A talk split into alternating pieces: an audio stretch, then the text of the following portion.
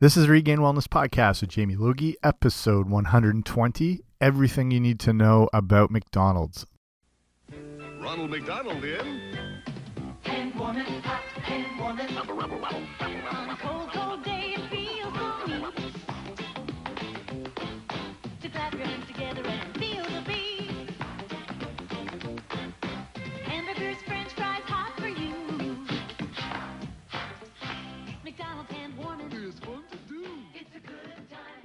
Hey guys, what's happening? Welcome back to the podcast. I'm Jamie Logie. I run regainwellness.com, and this is Regain Wellness podcast. And if you're new here, thanks for coming on out. Um, I've got a whole bunch of previous podcasts, interviews, everything you could think of nutrition, fitness, health wise. So go back and have a gander at everything there. And if you haven't already, make sure you subscribe. Basically, anywhere you get podcasts, I'm pretty much there. iTunes would be the go to, but um, I'm on like Stitcher Radio, iHeartRadio, uh, Google Play Music. Pretty much, yeah, anywhere you'd search for a podcast, I should be there. If I'm not, let me know and I'll make sure I get there. So today is all about McDonald's and started off with a classic 80s commercial. I Don't know if you remember that one, but uh, you can find these all on YouTube and they'll just have commercials through the years, through the 70s, 80s, and hilarious stuff. So I'll kind of break it into two parts. The first will be more of the history of McDonald's and how it came to be, which is actually a very interesting story. And I don't know if you've seen have seen the movie The Founder, which was out uh, like less than a year ago. It's got Michael Keaton in it, um, Laura Dern, Nick Offerman, and it's the the story of McDonald's. I think it's on Netflix now, depending on when you're listening to this.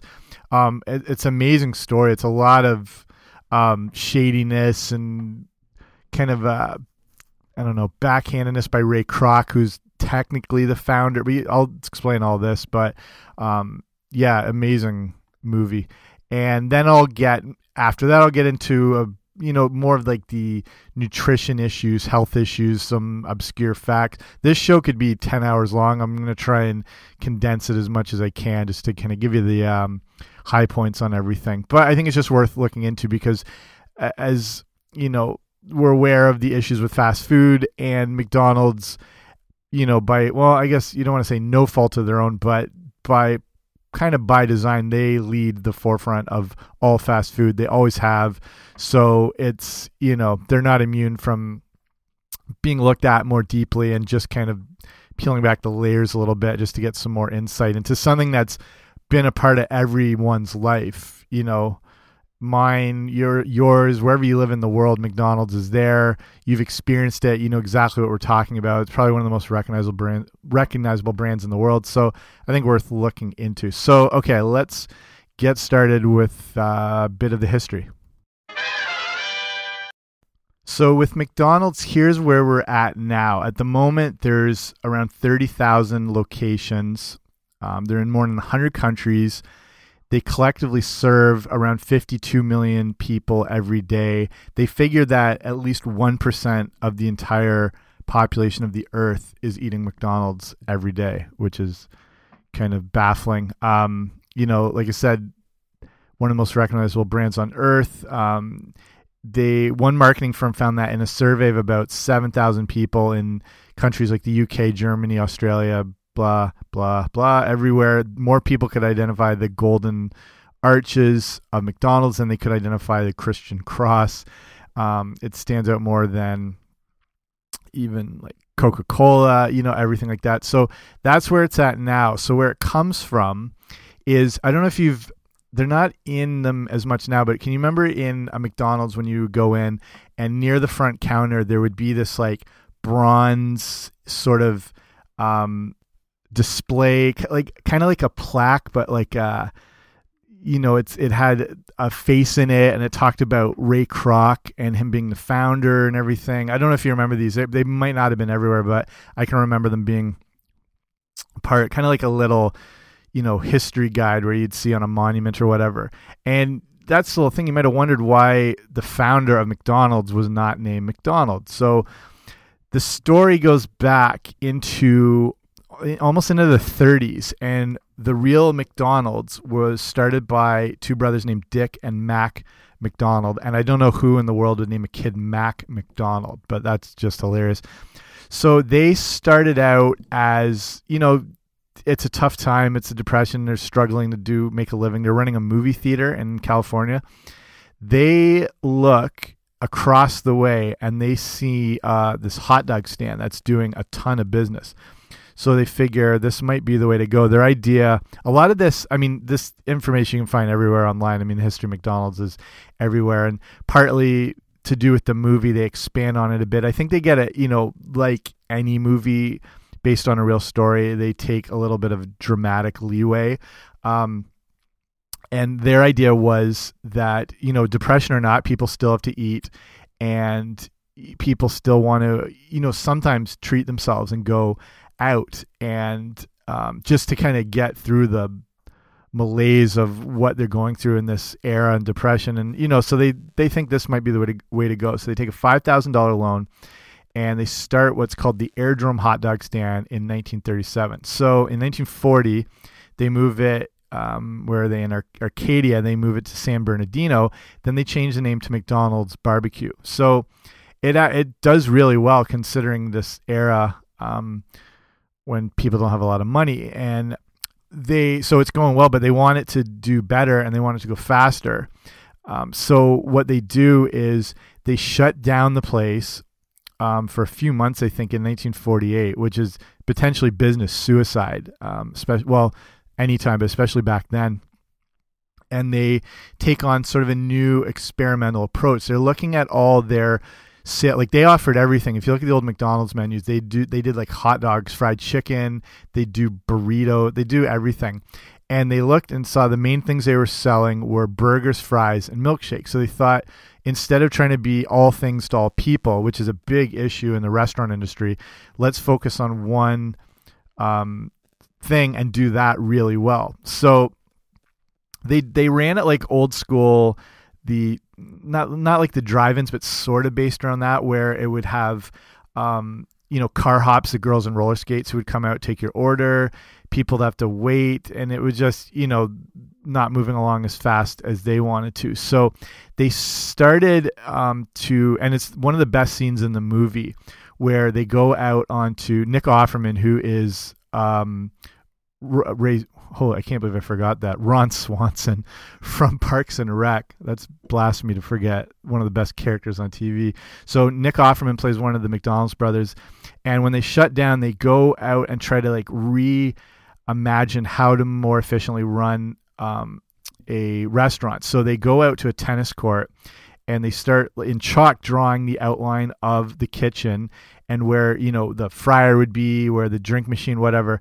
And they would go up on a ladder and have the staff like do a mock service and or you know cooking and working through and seeing what would work as best as you know most efficient for position and time and using the space they had and they would keep redrawing it and redesigning it till they had a very structured system that was not um, wasting any energy so you know the one guy would you know finish the burgers turn around the right guy would be there they would have this special machine they created that would hit it with five sort of splots of ketchup and mustard there'd be a pickle guy he'd hit it with two pickles work it the way around. Um, so just like a well-oiled machine, basically. What they were doing was trying to copy what they saw that the auto industry was doing with Henry Ford and that idea of the efficiency, the kind of assembly line, and they called it the Speed E system. So S P E E D E E system. Um, that worked really well. and not only paid off, but it started to set the standard for the rest of the food industry. So people are seeing, um, wow, they're reinventing the wheel here. Um, yeah, it's it's amazing. The Speedee system is pretty incredible. So at the time, there was um, a guy named Ray Kroc who was a he he sold milkshake machines. They were like it was a machine that um, had I don't know what you call them like little arm like spindle things where you could hook up like five or six um, milkshakes at once so they could kind of rapid fire their way through it. One of his biggest customers was this restaurant, McDonald's, and he had worked, you know, he'd seen the ins and outs of the restaurant industry for a long time, and they were buying like six or eight of these things at one shot. And he'd think it was a mistake, and he'd go down and he's seeing this amazing system that he'd never seen before. Um, and then just wanted to be a part of it. And as much as you know, they they created not McDonald's as we know it, but they got the ball rolling. And Ray Kroc was the guy who took it to what it was, whether it was shady or not. Well, it was somewhat shady. Um, what he did, so they decided to they would work together, and they, they had tried to franchise before, but be, because the McDonald brothers couldn't be on each location, they couldn't keep up the quality and the standards they needed, and so they had they had tried to open like three or four different ones that didn't work, and so they were kind of hesitant of letting someone else be involved with it, but um, writing up you know a, more of a, a, ironclad contract that they had control of everything even though he was what they thought only going to open up a couple more of these just in different locations.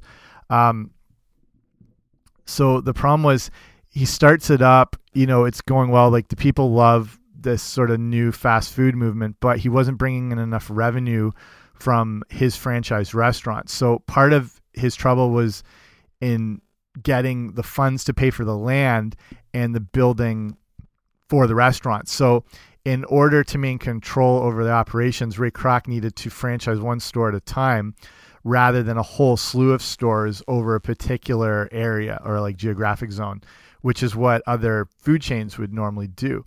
So, you know, usually, although other food chains could attract big investors, the franchises um, or franchisees Ray Kroc attracted didn't have the funds to pay for the land and the building. So that's where he started to kind of, you know, wrap his hands around this whole um, evolution. Um, so he gave um, ultimately, like, he was trying to control the land, uh, owning a company that controlled the real estate that the franchisees or and even the McDonald's brothers themselves couldn't uh, get past because they own the building, but he controlled the land, so they'd have to pay the rent. So he was kind of running two businesses at the same time.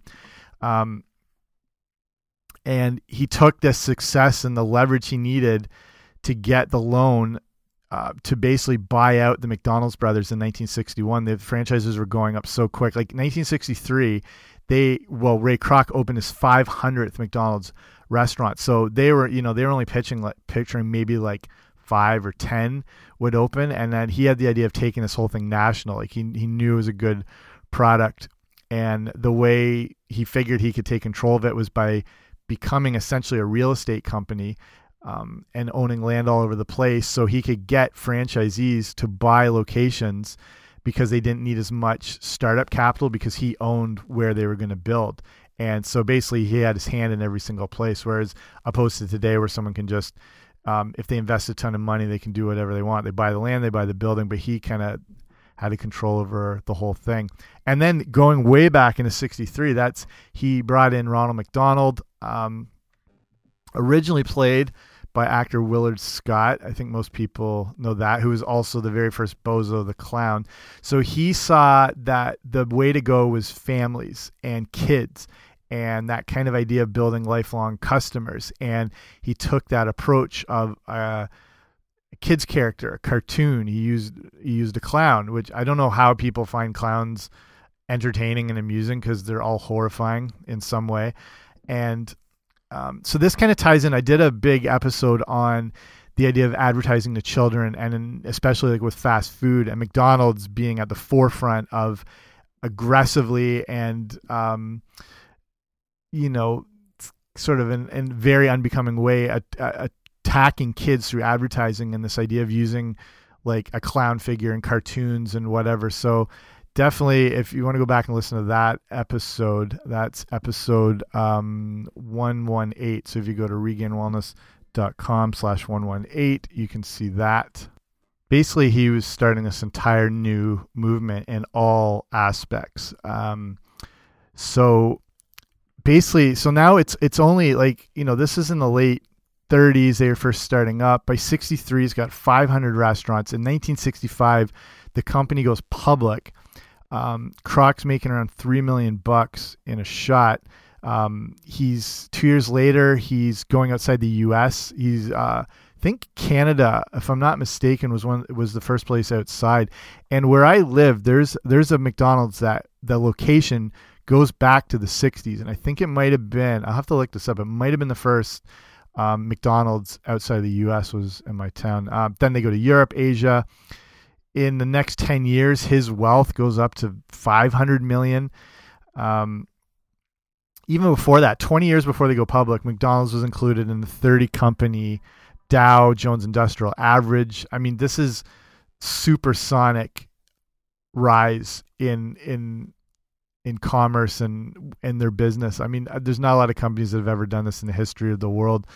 Um, they talk about that the company, you know, was a wise investment back in the day, and they would talk about in 1965 the idea of offering stock to employees um, because they they could see this growth. They're saying around two thousand dollars worth of stock in 1965 would be, you know, translate to upwards of three million dollars today. So I mean, it just like an unbelievable rise, which the original McDonald's brothers could not picture. I don't think any company could picture anything like this happening and that fast, you know, within almost like a 20 year period. Um, and them at the same time basically getting screwed out of the picture as he took over their company. Um, they couldn't do anything about it. Like they tried to sue, but I mean, they didn't have the money to do it or the overhead costs or anything like that. And he bought them out. There was the idea they I haven't been able to see this for sure, but in the movie, he because he couldn't um, make a contract work to buy him out. Something like he gave him a million dollars um, each, and that he was going to offer them one percent of the profits every single year. And but they had to do it on a handshake agreement because um, he couldn't put that in. I don't know whatever to do with the lawyers that would that would give over too much control or too much asset or whatever. But he had promised them handshake agreement that he would do it, and a, a that never went through. And you know, one percent of McDonald's in a year is like a hundred million dollars. So another intentional or unintentional screw job. So the thing though that Ray Kroc did was with this, you know, assembly line process and efficiency, he was a real stickler for consistency. Uh, he wanted to control the restaurants. He wanted to um, keep this idea of quality service, cleanliness, value, um, into every franchisee who would run it. So in, in 1961, so that's the year he bought out the original McDonald's brothers, he established Hamburger University in the basement of a restaurant, and that is now in somewhere in Illinois. It's got its own facilities, and it serves as a place where the employees can learn what they call hamburgerology.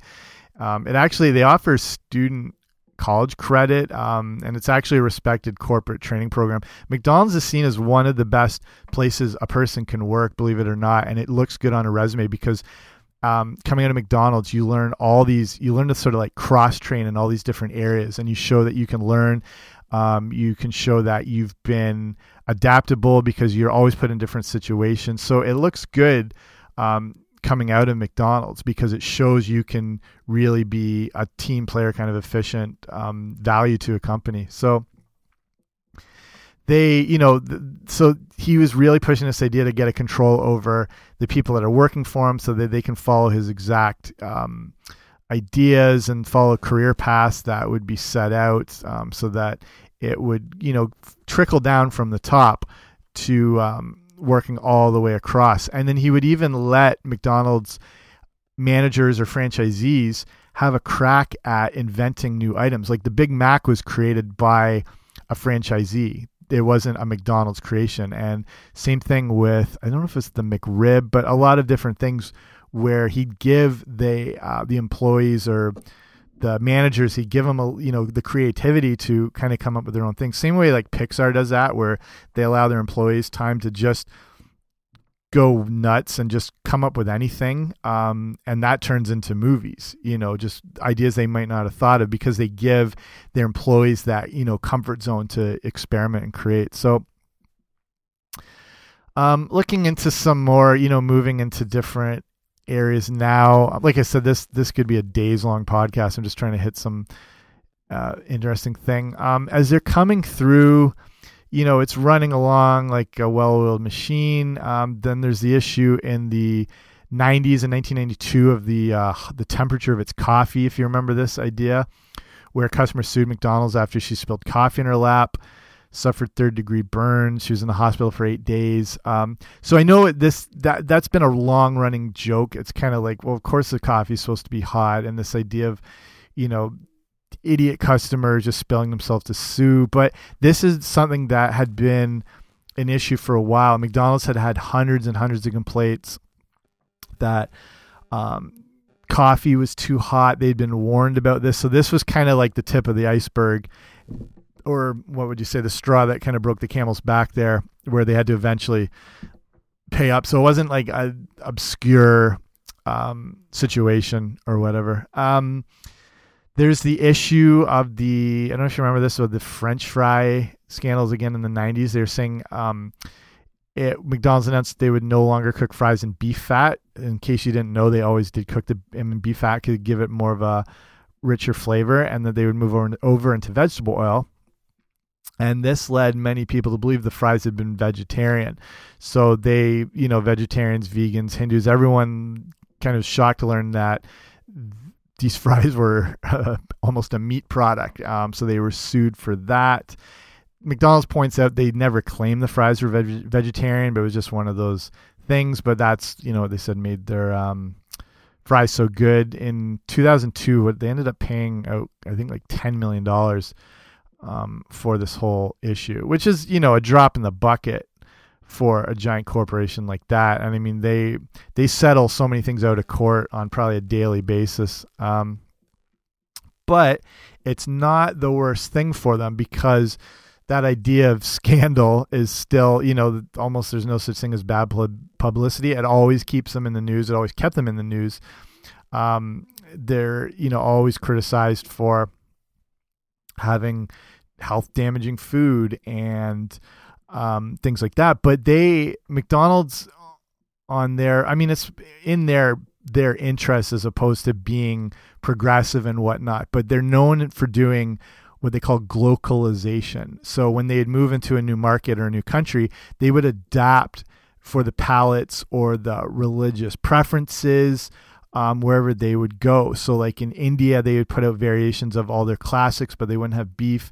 They I had I ate in Spain and they did some sort of um, I can't even remember what it was. It was some sort of rice bait, something you would never see anywhere else. So they I mean, but again, like that's more about them kind of dominating and jumping into that market. So taking the recognized brand and then catering. I mean, I'm not saying they have merit in any sense, but they do adapt to wherever they go in. Um, they're really good for the Ronald McDonald House. Um, so that I don't if in case you don't know that that's the, their charity they do. So it offers um, housing and lodging to parents so they can be close to a child who's receiving medical treatment far from home. And that's amazing, you know, stuff like that. Um, they've always done their donation boxes um, where customers can donate to the charity to help fund the house. Um, they do family room programs that are in hospitals so that they have, you know, TVs, computers, kitchens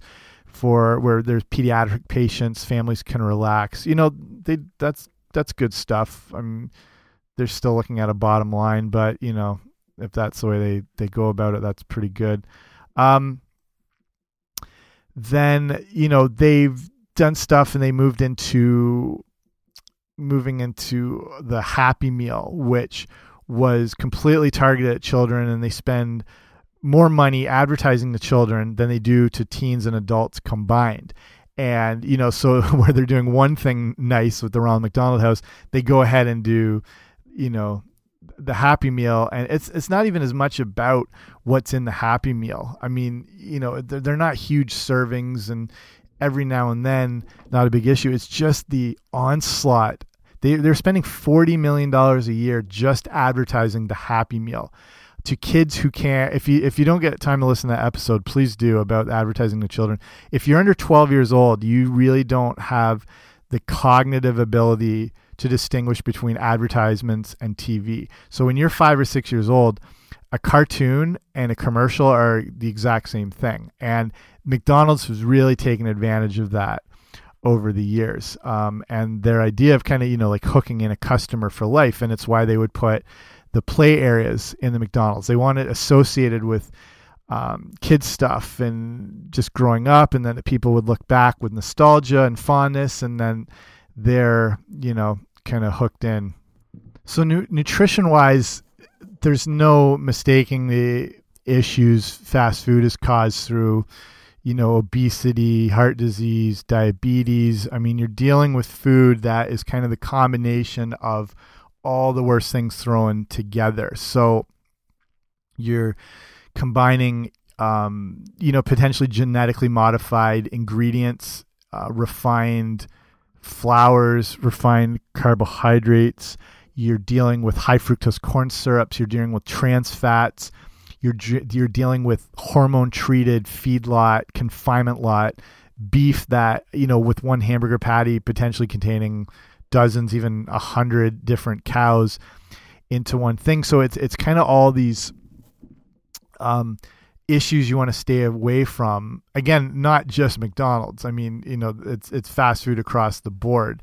With places, you know, probably being worse. I'd say like KFC, Taco Bell. I mean, they're not far worse, but I'd say a bit worse. So that's you know, there's no surprise. We know fast food is not good for us. And it's why you've seen McDonald's start to move away from this now. And they're offering healthy alternative options and salads and customizable meals. And like you can get kale salads at McDonald's. And and to me it's a sign that they're not that they're scrambling but you know they they kind of coast along forever just serving the same crap and it's kind of like you come in mcdonald's you know what you're getting you know what you signed up for when you walk through the doors. And now with more of a healthy food movement and, and just as much more education about the dangers of a lot of these ingredients and, and stuff that there's a demand and they're having to adopt where as before they would kind of set the trend you know what i mean they'd bring out the um, double quarter pounder with cheese, and they'd bring out the McRib, and they wouldn't even think twice about that. And like I said, leading the way. And now that people, you know, once you know a company like Subway for a while became the number one fast food place, they've had to play catch up a little bit. that was brutal. Uh, never mind. Ignore that. If I can edit that out, the catch up catch up joke. So with like the other companies um, or other fast foods, they like they settle in and they just do their thing, and they haven't strayed from that. So you have to kind of respect that a little bit. So I mean, to me, it, like I said, I've worked in a lot of different restaurants, and when a restaurant tries to become all things to all people with a huge variation across the board in their menu and their foods, that's when they tend to go belly up. The best places are restaurants that do one thing and they do it really well, as opposed to you know those places, or if you've ever been to like a I don't know, not even like a buffet, but a place that offers like Mexican food, but they also have like Chinese food, and then yeah, those tend not to last long as opposed to one place that does something very well. So McDonald's did very well, crappy but very tasty foods and hamburgers and fries and milkshakes. And once you move away from that, that you know, I, I, to me, it's like if I know that's what I want, I'm going to McDonald's. I'm not going to McDonald's because I want a kale salad. I can get that anywhere and a lot better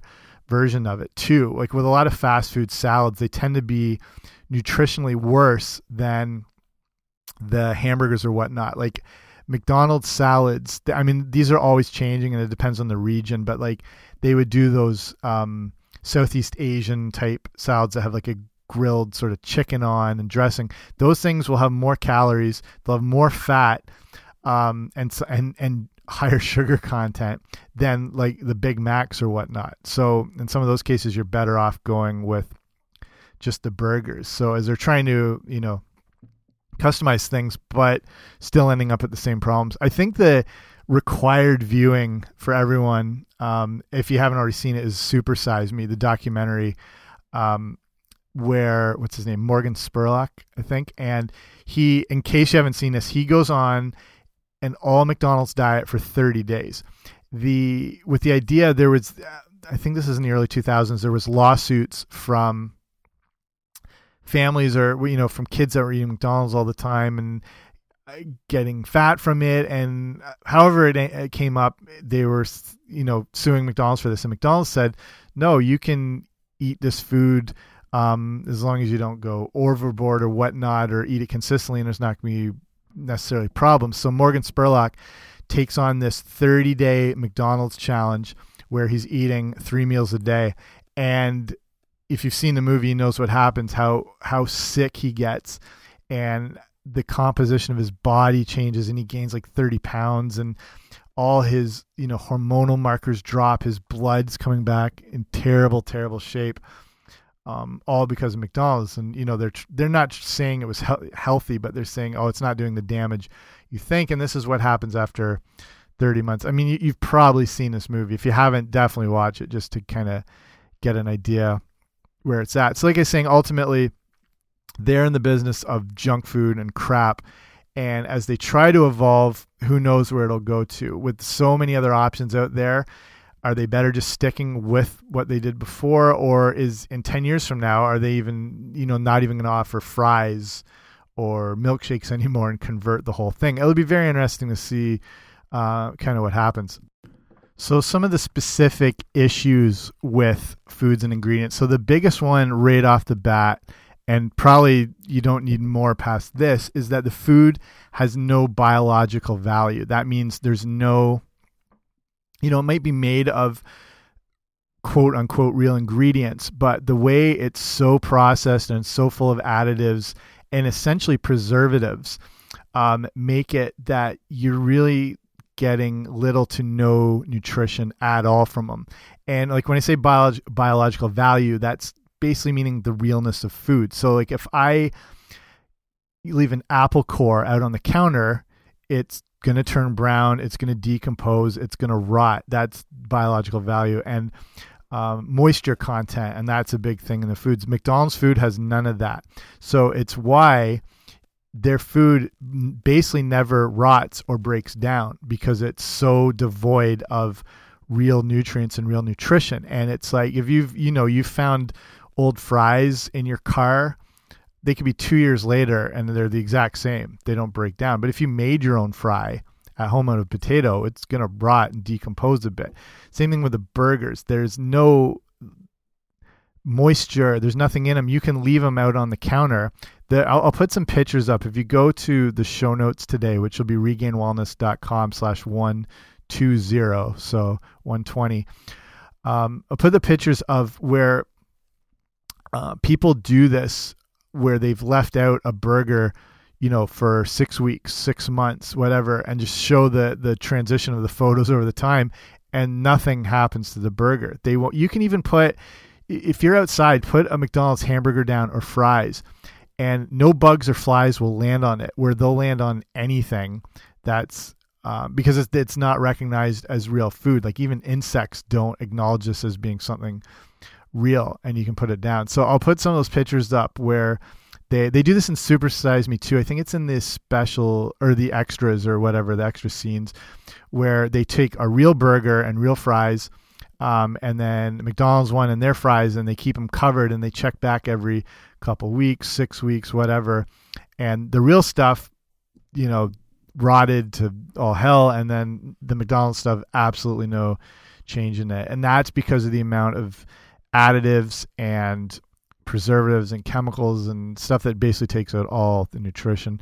Um, huge amounts of salt and sugar uh, you know like there's sugar in burgers you know like in the bun like their their fries i think have 14 different ingredients that make up what they put into it um that's i mean the you know sugar in burgers like anything they can do to make the meals more tasty to give them more mouth feel um that like our, our mouths really desire and crave like that fat feel um and that can be accomplished not only with the fat but with sugars as well too. Um, the interesting thing is, though Ray Kroc was, I think, pretty much um, somewhat OCD because he had this real obsession with cleanliness and whatever, which is very good in a restaurant. But he kind of coined that phrase: "If you have time to lean, you have time to clean." Which, if you work in a restaurant, is probably making you violently ill hearing that.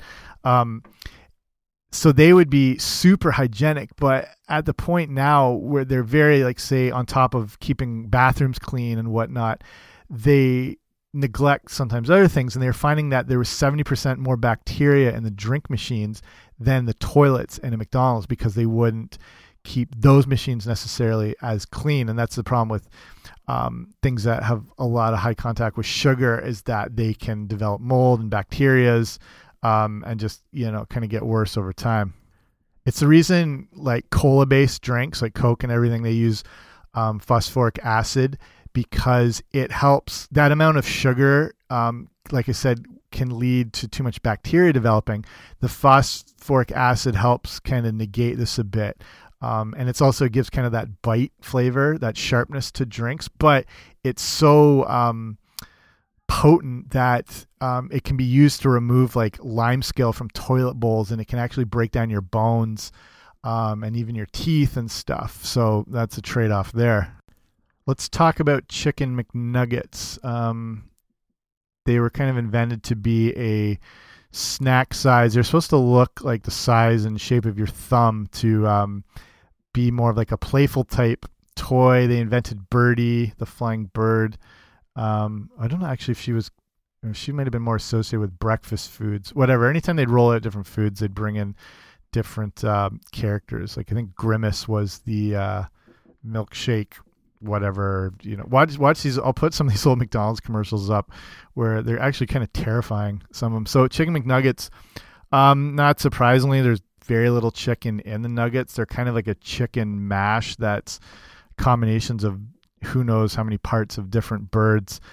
Um, pretty much they're mostly fat connective tissue and even some bone in there. Um, they're they're stored frozen until they're ready to use. And again all those chemicals help keep them fresh. They use one which I can't even pronounce. It's let me try it. T butylhydroquinone. So it's TBHQ, and it's um, part of you know made up of different things like acetone, um, alcohols. It, it's a preservative to keep things fresh, and these compounds can cause you know liver issues neurotoxic effects um, all kinds of stuff. Um, the milkshakes i don't know if these are as big now. I don't know if people go to mcdonald's for milkshakes but if they do they're they're a handful of ingredients but and they sound pretty much um, benign if you exclude you know the coloring preservatives. But the big thing is one of the ingredients is called artificial flavor. Not surprisingly, lots of products use those things. But what they do, what fast food companies, actually a lot of um, junk food or whatever, is they can combine a ton of different ingredients and then put it under one category and then only have to list that as opposed to having to put all those individual things. So with like Burger King was known for this, like with their strawberry milkshake, it contained artificial strawberry flavor. Under that heading, there were 43, I, it might have been 53 different ingredients that made up artificial strawberry flavor. And strawberry does not appear once in the whole thing. It's just a cocktail of chemicals and stuff. So even though these things might only list five ingredients, when it comes to fast food and junk food, one of those ingredients can be dozens of different things um, under that sort of umbrella of whatever flavor. I mean, some of these they'll use dyed, you know, kind of chemical. Um, they call uh, ethyl val can't even say this valerates, which create like you know an apple flavor or a strawberry flavor or a blueberry flavor when none of this stuff is anything like that. Um, and you know they couldn't even the the product itself would not be big enough to contain all the different individual ingredients that go into it. Um, let's see what else do we got. Like I talked about the salads. Um, always a big issue. I mean, if you if you're going there and you order these things, like at least get the dressings separate because that tends to be what contains most of the crappy saturated fat, all the sugars, all the stuff. Um, if if they happen to have some sort of oil vinaigrette, they might carry them. I'm not sure. Um, go for something like that. The cheese, um, man, I mean, processed cheese on a good day is not good, but in in McDonald's and in fast food places, they they're more aptly called cheese colored chemicals. Um, only slightly over half of what you buy that's called processed cheese is actual cheese made from milk.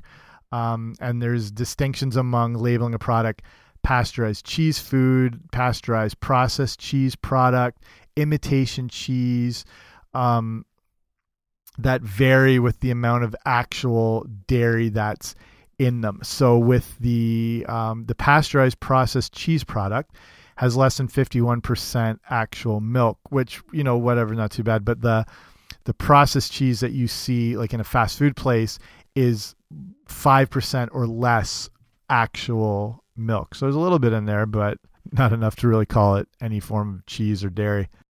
Here's a correction as I'm looking through. I said McDonald's fries contain 14 ingredients. They contain 17 ingredients. So may as well go through them here. Potatoes, canola oil, hydrogenated soybean oil, safflower oil, natural flavor, quote, vegetable source, dextrose, sodium acid, pyrophosphate, which maintains color. I didn't know potatoes needed color. Citric acid, which is a preservative. Um, dimethyl polysiloxane, which is an anti-foaming agent, part of why you know when it's cooked in the oil. Um, and then the vegetable oil that it's cooked in canola oil, corn oil, soybean oil, hydrogenated soybean oil, all with that THBQ, that word I couldn't say before, citric acid, and dimethyl polysiloxane, and salt. And in their salt, it contains silicoaluminate dextrose sugar and potassium iodide all under that thing. So kind of ridiculous. Um, other fact the Egg McMuffin was modeled after Eggs Benedict. I don't think they hit it exactly on the mark, but close. Um, they oh, like I was mentioning with the toy issue and the cartoon thing. This this is interesting, which I did not know until I was researching this. McDonald's is the world's largest distributor of toys. Think about that for a sec. With the amount, like, think of Lego to GI Joe to kids' toys over the years. Um, all the companies that are involved, um, from Toys R Us to whatever, and McDonald's is the number one distributor in the world of toys. Um, it's amazing. And 20% of McDonald's sales involve Happy Meals. So you can see why they spend $40 million a year advertising Happy Meals. And then again, the tie ins. Burger King was probably a bit bigger with this for a while, was the tie ins with merchandising with movies, um, whether they were completely directed at kids or not. And now, obviously, all fast food um, has a tie in with some connection to kids.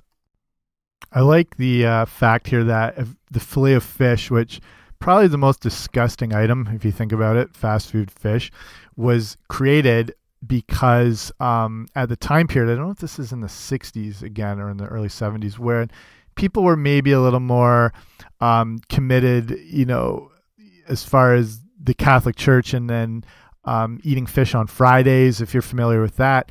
And they McDonald's they were actually noticing that their burger sales would go way down because people were a little more um, I don't know consistent with that sort of thing. So they invented the fillet of fish to kind of you know bring back that crowd a little bit. Um, and then they were going to replace it after a while when people were whatever not as adamant on having the Friday fish thing. They were going to um, replace it with something called the hula burger, which was just going to be a slice of pineapple on an uncooked bun, um, which is hilarious. Um, just a few other there's so many of these random facts but a lot of them I find amazing they were mcdonald's had this big push in the 90s where as there was growing fast food competition and you know the different ways to market were starting to change it wasn't the the same old you know commercials on tv and people's interests were going different places you know back then, let alone to now. They so what they were going to do was trying to pay rappers to drop the name Big Mac in their songs because the Big Mac the sales were plummeting for whatever reason. So the deal was that they were going after all the big time guys, you know, like Tupac, everyone back then. So the idea was they were going to make rappers were going to make five dollars every time a song mentioning the Big Mac was played on the radio, and they would track that whole thing, which is a lot of money if you think about it. But no rapper, not like Jay Z, Notorious B.I.G., Ludacris, and no rapper was willing to take up McDonald's on that. And if you think about rappers and hip hop, are the biggest sellouts in anything like in the music business in any form of entertainment. They, you know, would look at them promoting like vodkas and cars and like all kinds of crap, and no rapper wanted to take on McDonald's. So that one hurts a little bit. They um they've stopped tracking the burger count. If you remember, they'd say, you know, over 99 billion served. And I don't know, like if you listen to Jerry Seinfeld's thing, he's like, okay, I'll take one. He's like, who are they trying to impress with the 99 billion served? So now they've stopped um, counting and now they just say billions and billions served. And I don't even know if the places say that anymore. And we can't talk about McDonald's without remembering in the mid-ish 90s McDonald's pizza. Do you remember this? I don't know if the like I live in Canada this was across North America. I don't know if this was a worldwide thing per se, but they McDonald's did pizza. And as a younger, I think it was like 15 or 16, I actually thought it was pretty good. They it was kind of weird. They had this weird sort of onion-based crust and they brought in I don't know if you remember this marketing campaign that went out and all these McDonald's had the big um, pizza cooking oven things that are now in these like massive landfills all over the place because I don't even think it lasted a year. And you could get a personal size one and a family one or a bigger one.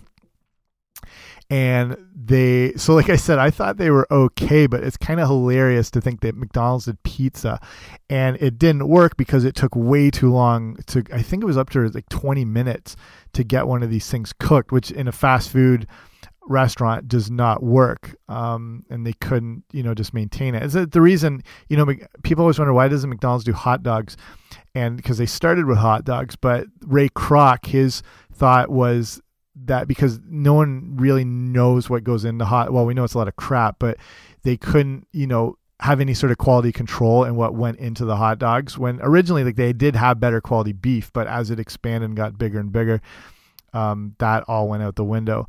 And that they couldn't, you know, maintain the quality in the, what was potentially going into the hot dogs, which is kind of funny because now when there's no quality going into the food, hot dogs could have just slipped right in again. I don't know why that's something they never um, got back into. I don't know if there's just a that demand for hot dogs is just not there. Okay, I'll probably wrap it up here. Like I said, I can go on forever. Maybe I'll do another show on more McDonald's facts and and stuff, but there's a lot of crazy stuff out there. So but if you've listened to this, go and check out um, the show notes. So that's just information on what I talked about today on my website. So it's regainedwellness.com slash 120. And I'll, I'll link up some of those images I was talking about. Um, some of the, like the other podcast I mentioned about the, the, advertising the children thing. Maybe I'll throw a few of those, uh, YouTube commercials up there. So a little bit of everything to check out after. And while you're at it, if you haven't already, you can sign up for the Regain Wellness newsletter. So it's an email I send out only every couple of weeks, and it's just got, you know, nutrition information and education I think you'd find relevant. Um, stuff I basically only share over email. Um, and it comes with a free, there's a free ebook when you sign up. It's just a short guide that's got a little more information on foods you want to be including, um, things you want to be avoiding, and why I talked about a bunch of them already today, but a little more insight there. It's got some recipes, and you can get that um, when you're at so regainedwellness.com slash guide, and you can just throw in your email, and it's all done there. Okay, I'll end it up here. That's enough McDonald's for one time. Thanks for listening. Um, like I said, if you're new here, make sure you subscribe. But I appreciate you stopping by. I know there's a ton of different podcasts out there, so the fact you're listening to this one that means a lot. So I appreciate it, and I'll talk to you soon. Bye.